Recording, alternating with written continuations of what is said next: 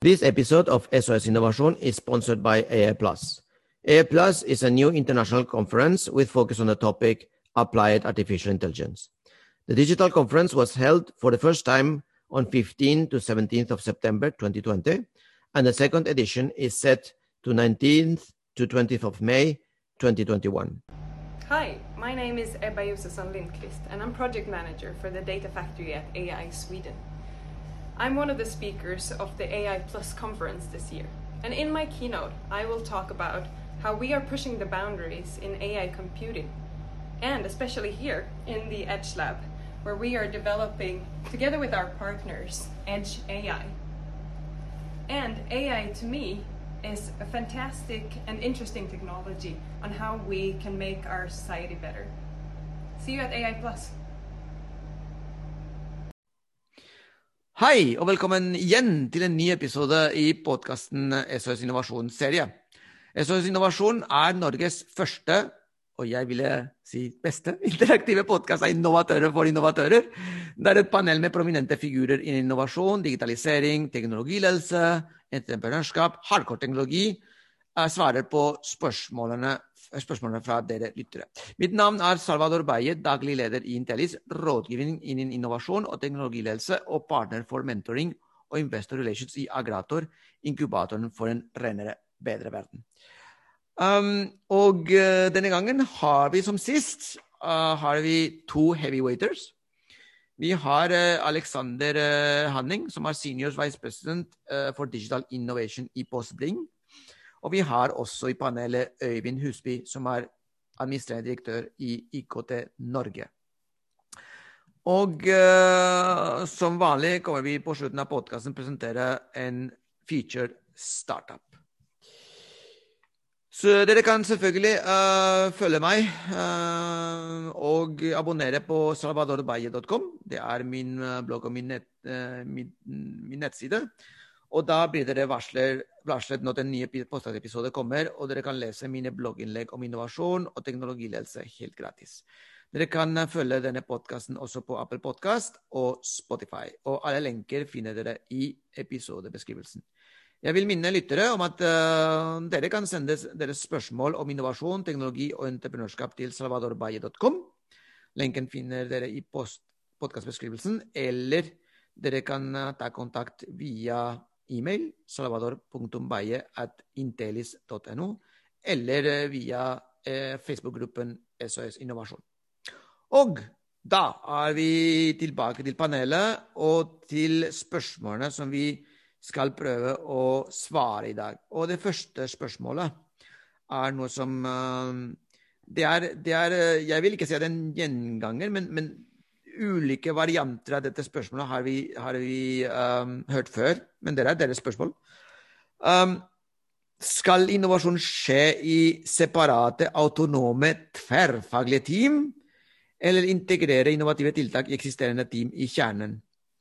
Um, vi kan starte med deg, uh, Alexander. nå jobber du med hardcore innovasjon og digitalisering i et veldig stort konsern, Posten. Bring? Bring Posten? Er det Bring Posten som er uh, navnet, eller? Altså det er, det er, Posten Norge AS som er selskapet, og så okay. to merkevarer, Bring og Posten. Og så bruker vi okay. bare Bring i Sverige og Danmark, naturlig nok. Der betyr Posten ja. noe annet. Enkel, uh, enkel corporate branding. Nødvendig corporate branding. Ja. Nødvendig, ja. Veldig bra. Ok, Skal innovasjon skje i separate autonome team, eller skal det integreres uh, i eksisterende team i kjernen? Svaret er ja. Vi går over til Øyvind! Nei, for å utdype, da. Eh, altså det at de er tverrfaglige, det er jo blitt mer og mer nødvendighet. og så er det noen grunner til det som vi kan gå inn på. Autonomitet har også blitt eh, viktigere for å få hastigheten opp. Og så er det litt sånn en avveining der mellom kunne ta raske beslutninger og tilpasninger og det strategiske, litt sånn overordnede blikket. Så der er det et samspill. Og så tenker jeg det er både en verdi av å jobbe tverrfaglig eh, og autonomt i linja, eh, men også litt utenfor linja. Gjerne for å se på ting som er litt lenger unna kjernen. Eh, litt mer sånn radikal innovasjon. Det som liksom horisont to og tre mm. tror jeg er veldig viktig. Så svaret er ja, begge deler. OK, det var det svaret. Uh, kort, men presist. Um, Øyvind, hva syns du? Jeg er helt uenig i det. Så, nei, jeg, jeg, tror, jeg, jeg, jeg tror Ikke tverrfaglig, ikke autonomt. Du, Alexander, nå, nå, har du, nå har du neste du kan eh, utfordre på din boksing-greie. ja, ja, jeg tror vi må se helt annerledes på dette her. helt nytt på det. Nei, da. nei altså, jeg, jeg tror det er uh, Man trenger begge deler. Uh, og, og, Jeg har noen gamle eksempler. altså Jeg jobbet jo i Get. Og, og, det som har vært, det som har vært liksom, trend før, at man har hatt forslagskasse. da for ansatte for å komme opp med lure forslag. Uh, og Det kan fungere, og det kan ikke fungere. og Det som, er, det som det er avhengig av, er ledelsen. Hvis ledelsen faktisk ser på forslagskassen og ser hva som kommer fra de ansatte, for de sitter jo på problemområdene. og Det er litt sånn, litt sånn hverdagsinnovasjon. da. Men Et eksempel fra, fra Get var at uh, en tekniker i, i, Stavanger kom opp med en løsning som gjorde at vi sendte en bærebølge i kabelnettene som, uh, som, vi kunne, som, vi kunne, se på hvis det var lekkasje i kabelnettene. Og så, så installerte vi eh, søkere på alle bilene som gikk rundt eh, med GPS. Og så fikk vi tegnet det når, når ja, det var jo ikke internett eller kommunikasjon, men da de kom i garasjen, så lastet man opp den informasjonen i kart som gjorde at man kunne se hvor i nettet det var eh, lekkasje. Eh, og Det var ingen steder i verden man har gjort noe tilsvarende tidligere, som gjorde at vi fikk en helt annen kvalitet på, på feilsøkenettet. Som et eksempel på en, en tekniker i Stavanger kom opp med en genial idé som ingen av de andre i verden hadde kommet på. Det er et eksempel på at de som sitter nærmest problemet, eller sitter nærmest med kompetansen, faktisk kan komme med med innovasjonen. Men mens, hvis du skal ha mer radikale endringer, så, så, kan det hende at man må løsrive seg mer i forhold til den hverdagsoperasjonen. Uh, for å kunne se hva som er trender i andre bransjer, hva som er trender andre steder, enn det man jobber med hver dag. Men man trenger ofte begge deler. Og, og jeg, jeg, tror, Du har sikkert noe å si til Alexander, men jeg, jeg tror at dette med å, å skille det som er mer hva kan vi si, um, inkrementell innovasjon, eller en innovasjon som er veldig tett på det operative og tett på, på kjernen. Um, det, kan, det, er mulig at det er uh, enklest uh, å innovere der. I, i, eksisterende team i kjernen, mens uh, det som skal være mer radikalt, uh, skal gjøres i andre steder. Um, jeg har, et, jeg har noe som jeg har sett er en historie som vi har sett flere ganger. Og det er at eh, OK, du har et stort selskap som har en CDO, en Chief Digital Officer. Og den CDO-en har kommet på en eller annen form for idé som har med data å gjøre, og med digitalisering å gjøre. Samtidig så eh, kjører uh, linja en, et ERP-prosjekt som, som, er som, er allerede i år fire. Um, og den, den, beslutningen jeg har sett tatt flere ganger, er OK, denne nye, denne nye tjenesten, denne nye produktet, har et eller annet med ERP å gjøre, ikke sant?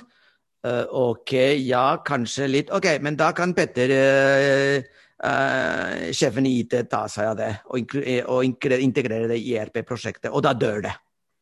Eller ERP-prosjektet blir lengre og lengre og lengre.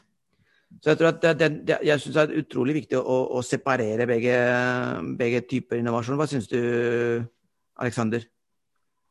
Du er inne på mange områder. Eh, det ja. ene er jo som forslagskasse.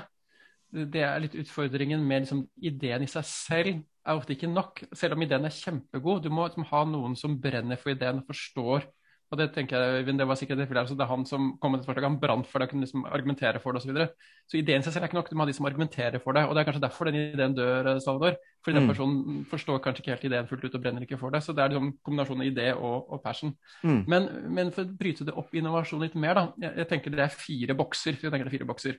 Og to av boksene handler om effektivitet. Mm. Og de andre handler om eh, radikal innovasjon. Altså de tenker helt nye ting, eh, helt nye forretningsområder inntjeningsmodeller. Eh, og så har du 10X, altså 1X og 10X. Så Hvis du tar effektivitet, da, så kan du gjøre en liten justering på maskinen som gjør at den går litt fortere. Mm. Eller så kan du ha liksom radikal effektivitetsinnovasjon, dvs. Si at maskinen går ti ganger kjappere. Da kan du gjøre kanskje noe helt annerledes. Mm. Mm. Og tilsvarende på radikal, du kan gjøre noe som vi tester ut litt som er en litt ny forretningsmodell, eller du kan gjøre noe som virkelig er noe annet. Så jeg tror det er viktig å skille de fire voksne og forstå at det, det er forskjellige ting. Og fra, jeg har jo kommet inn i postverdenen relativt nylig, jeg har jobbet fire år i Posten. Og det er litt interessant da, fordi vi har et veldig tett eh, samarbeid på tvers av landegrensene i postverdenen, eh, og det er litt gøy. Og Norge har, ligger ekstremt langt framme i internasjonal målestokk på det med å sortere brev. Og Grunnen til det er mange. Det eneste er at vi har en, vi har en lang, vanskelig geografi. Vi har høye lønnskostnader, vi har eh, større brevfall enn mange andre, så vi ligger liksom langt fram i den evolusjonen. Og da har vi automatisert sorteringen veldig. Og mange skriver jo selvfølgelig adressen for hånd. Så vi har da kameraer, vi har sorteringsmaskiner som sorterer 40 000 brev i timen. Og de tar bilde av adresseetiketten. Og så har vi nevrale nettverk som analyserer håndskrift og kan da lese ut håndskriften. Så vi har ekstremt yes. veldig få som leses manuelt. Og så har vi en annen ting, og det er den tradisjonelle måten man sorterer post på. Det er jo å ha kanskje sett det på sånne gamle bilder at det er en sånn svær hylle med masse hull i. Mm. Og så står det adresser under, og så sitter en person og sorterer inn i rekkefølgen der man går ved post. Det er jo måten man tradisjonelt gjør det i verden. Mm. Og det vi har gjort der, er at uh, vi kjører fem skift i løpet av en natt. Og så har vi istedenfor at den står fast, den adresselisten, så har vi magneter. Så vi kan kjøre da fem sorteringer og bytte ut adressene i løpet av en natt. Så får vi da internasjonale delegasjoner som syns vi er utrolig dyktige på å være effektive. altså Fra andre postselskaper i hele verden kommer til Oslo og Norge for å se det her. Og så går de forbi sorteringsmaskinen, som sorterer 40 000 brev i, i timen, og som bruker superavansert teknologi. Og så blir de fascinert over at de bruker den samme hylla fem ganger med magnetlister. Ja, nettopp. Og det syns jeg er fascinerende. Men det er den tanken. Da altså, da er det 1x versus 10x på effektivisering. De tenker altså ja, vi kan effektivisere det vi gjør i dag, litt kjappere, kontra liksom kaste ut det og, og få inn maskiner til å gjøre det isteden. Ja. Og det er mulig at dette med magnetene er eh, billigere enn eh, neuronale nettverk? Eller ikke? Eh, ja, det er jo det som på kort sikt, mens du tenker deg lønnskostnad og hvor effektive de maskinene er. Og vi må jo gjøre det fordi vi, vi må få ned kostnadene våre, fordi vi inntektene våre fra brev stuper. Så, det, så, der har vi blitt presset veldig hardt. Men de kanskje har ikke det samme presset på kort sikt, men de vil få det på lang sikt. Ja, det er Capex versus Opex-problemstilling. Uh, Veldig bra. Øyvind, har du noe mer å tilføye?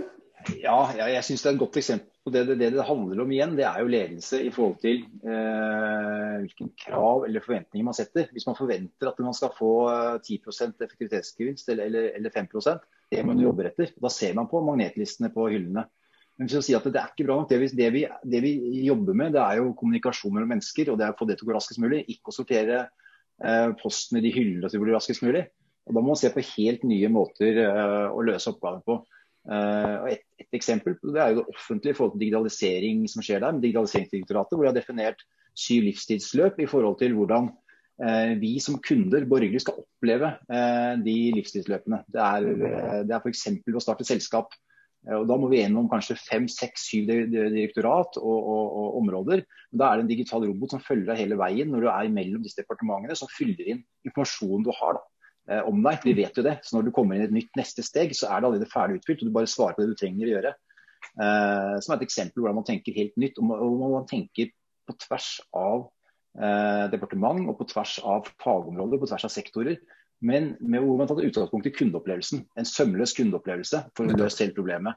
Og det er, det, liksom, det er, der man må starte og definere hva man faktisk skal løse. Og så må man snu seg rundt og se hva slags løsninger som finnes, istedenfor å og se på å optimalisere papirene best mulig i hvert enkelt, hver enkelt sektor, eller optimalisere hyllesorteringen. Eh, så Det er eh, noe av den taken på tenker jeg. Veldig bra. Hvis du vil vite mer om disse temaene, eller du opplever en konkret problemstilling rundt innovasjon, teknologi, teknologi, ledelse og entreprenørskap som du vil diskutere med meg, kan du alltid ta kontakt på salvadorbay.com, droppe meg en mail salvador.bay.intelis.no, eller ta kontakt på LinkedIn eller på Facebook-gruppa SOS Innovasjon. Og så skal vi gå over til neste spørsmål, siste spørsmål i dag, eller i, denne, i denne, episoden. Det har, det, vi har diskutert litt av dette før i en annen episode, men fra startup, selve startup-organisasjonsperspektiv. Nå skal vi se på omtrent samme tema, men fra en, eh, en investorsperspektiv. Er investorer i startups opptatt av årsresultat i det hele tatt? Jeg, jeg, fikk bare dette spørsmålet bare servert av en startup. De var litt sånn i tvil. Uh, de hadde, og de, de, spurte meg er, de, er investorer i det hele tatt opptatt av, av årsresultat. Hva tenker dere? Øyvind? Ja, det investorer er investor opptatt av, er cashflow. Så, så, cashflow, nettopp der sa du det! det er, så det er cashflow. Det er frem, ned, neddiskontering av framtidig cashflow. Og etter det så er det ferdig. Hvis du ikke tenker på mer samfunnsverdi, oppdragsøyemed. Og da er det jo regnearket som må fram på bordet. Og så er det ikke, det kan godt vise negativt de første fem årene, eller tre årene, eller seks årene. Men til det så må vi ha store, store cashflow som neddiskontert skaper en verdi. Og så er det hele forutsetningen i regnearket som alle investordiskusjoner kommer til å dreie seg om. Hva er forutsetningen for inntektene, hva er forutsetningen for disse kostnadene, hva er forutsetningen for markedet, og hva er sannsynlighetene for at dette slår inn, og hva er de største truslene mot det regnearket du har legger fram nå. Da er årsresultatet ett år eller et annet år, det er ikke, er ikke interessant, men det er neddiskutert cashflow som er interessant. Veldig bra. Uh, hva syns du, Aleksander? Jeg støtter det. Uh, 100 for, Ja, og vi snakket om i forrige, forrige episode, så, så, er det egentlig det potensialet som investorene ser på. Det er ikke nødvendigvis akkurat det årsresultatet, og, og det som året, men det at man ser mulighetene på sikt for vekst, for å redusere kostnader med skalering. Det er jo det, er det man selger investoren. Ja, så er det, og så er, det, så er, det, kanskje noen nye mekanismer ute og går som lenger bygger på de gamle, gamle økonomiske teoriene. Altså, det, er, altså, det er jo ikke lett å regne hjem Tesla-aksjen med neddiskutert cashflow. Uh, Nei, det er, ikke, det er, umulig, Øyvind. Du er litt sjenerøs. det er umulig. ja, jeg er ikke helt enig. for Hvis de får verdensherredømme på selvkjøpende biler Det er mest okay. populære merket i, i ja. Kina på, på, på tre- og Y-modellen sin. Ja, okay. jeg, jeg, jeg, prøver, jeg, prøver, å regne hjem, men det er ikke lett. Det er ikke lett. eller, eller, eller Uber, som fremdeles taper penger på hver dollar de selger. 12 000 kroner i, 12 000 kroner i sekundet. 12 000 kroner i sekundet så det er, jo, det, er jo en, det er noe som ikke helt går opp uh, i forhold til resonnementet om at det er framtidig cashflow der. Uh, eller uh, du har disse GameStop og de der andre, eller valutaverdsettelsen. Altså, så det er en del, det er del mekanismer uten går som går på forventninger da, om verdistigning, som kanskje er drevet av andre ting enn cashflow. fordi at man har en eller annen andre mekanisme som driver. da, Man må investere, og da tror man verdien stiger uten at det er direkte relatert til framtidig cashflow. Uh, men det er, det er, litt på siden i forhold til hva som er uh, dagligdags uh, investeringer. Enig. Aleksander, vil du tilføye noe, eller? jeg kan bare legge en, en, ting til. og det er Hvis det er et lite selskap ja. som er privat investor, så kan det være vel så mye folkene, teamet man investerer i, ikke nødvendigvis akkurat den ideen de har der og da. Den kan man kanskje forkaste senere. og Vi ser jo mange selskaper som har startet med en helt annet segment og så pivoted inn i noe annet, men fordi investor tror på teamet, at teamet har den drivende gjennomføringskraften, som kanskje ikke har funnet akkurat den riktige ideen, men de tester den ideen, men kanskje det er noe annet de skal gjøre, det er også en viktig faktor.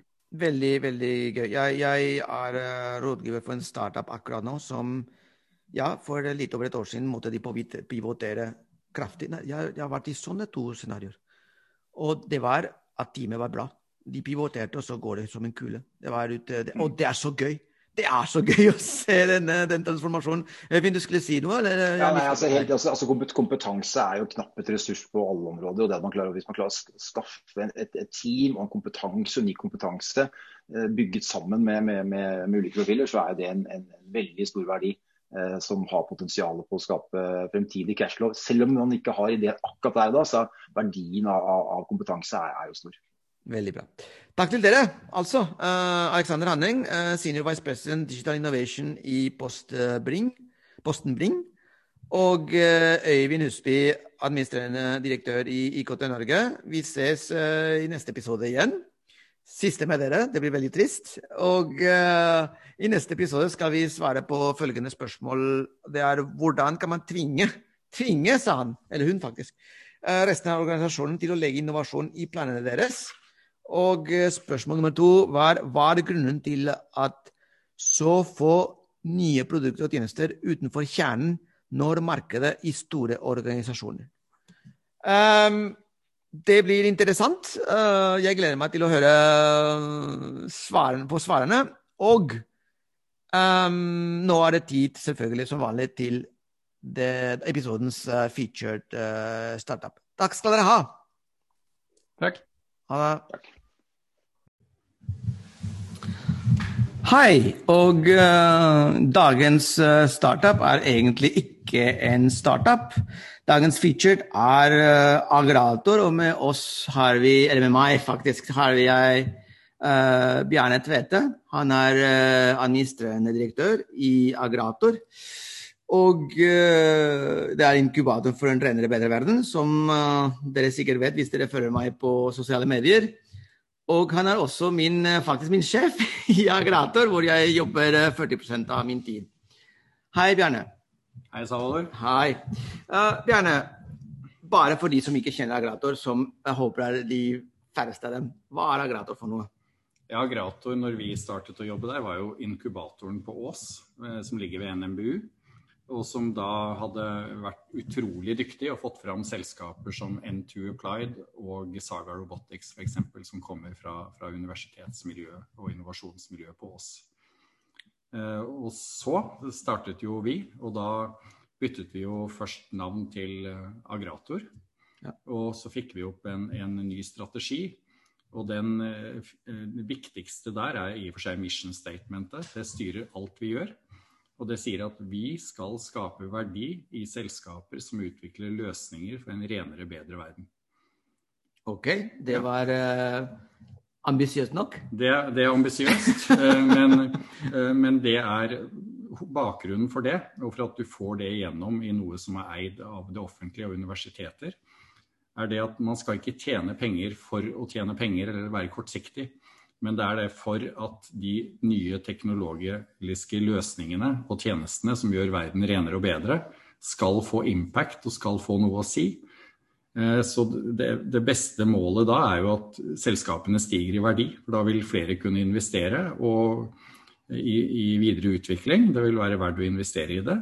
Og de, verdien øker også etter hvert som produktene og tjenestene tas i bruk. Ja, veldig bra. Og hva Ok, da skal jeg spørre frekt, da. Uh, det er mange inkubatorer i Norge. Det finnes mange. Um, men hva er det som skiller Agrator fra andre inkubatorer i landet? Ja, det, det, det, første er jo det som man har hatt hele tiden. At du, du ligger på, på, det største bioøkonomi i og for seg, og, og miljø, landbrukssystemet på Ås med Nibio, Nofima, NMBU og nå også Veterinærinstituttet. Det er tungvekter, altså? Det, så det er, det er, de største universitetsmiljøene på det området i, i Norge. Eh, og, og så, er jo, så, er det jo, det at man har, har fått fram de, de, utrolig spennende, sånn som Saga Robotics og N2 Applied, og vært med helt fra begynnelsen der. Eh, og så er det jo det at, eh, som vi har fått inn i strategien nå, at vi, vi har ikke et mål om at vi skal bli store. Vi har et mål om at selskapene skal bli mer verdt. Ja. Men innenfor de områdene vi driver. Ja. En renere, bedre verden. Og egentlig har jeg vært, eh, hvis jeg, altså, jeg har insider information, så eh, verdien i det vi kan kalle, kalle portfolien av selskapene i, uh, i inkubatoren Vi ser historisk sett hvordan den verdien har, blitt, har utviklet seg. Det har vært ganske spektakulært, altså. Vi har noen caser, Avogrator har noen caser der noen selskaper ja, som Saga som du nevnte, ikke sant. Som, så, og, og, ja, det har vært egentlig ganske, ganske utrolig. Med, med femdobling, seksdobling, tidobling av verdien på veldig kort tid. Ja, verdien, altså, hvis, altså sånn som både Saga Robotics og, og M2Apply, det er verdt flere hundre millioner. Ja. Eh, så Halodi Robotics eh, vil også Det kommer også fra vår, vår, det, det kommer miljø. også, også fra miljøet på oss. Og, ja og er nå i, i alumini til, til Agrator. Mm. Det er også verdt flere hundre millioner. Mm. Så, så, verdiutviklingen på de selskapene, og for en sånn moderat stor inkubator, den, den, den er nok ganske god. Jeg vil tro det at uh, i forhold til de offentlige pengene den inkubatoren har fått, så er uh, verdiskapingen uh, temmelig god. Ja, kjempebra.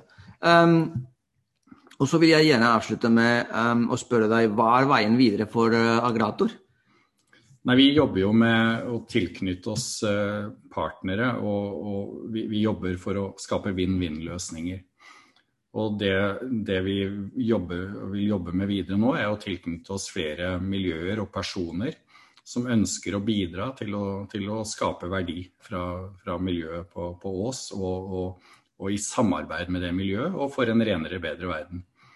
Og en av de viktigste tingene som vi, vi skal få til i år, er å, å etablere et investeringsselskap som, som, kan komme i gang og gi tidligfasekapital til de selskapene vi nå har i porteføljen, og som har et veldig stort potensial.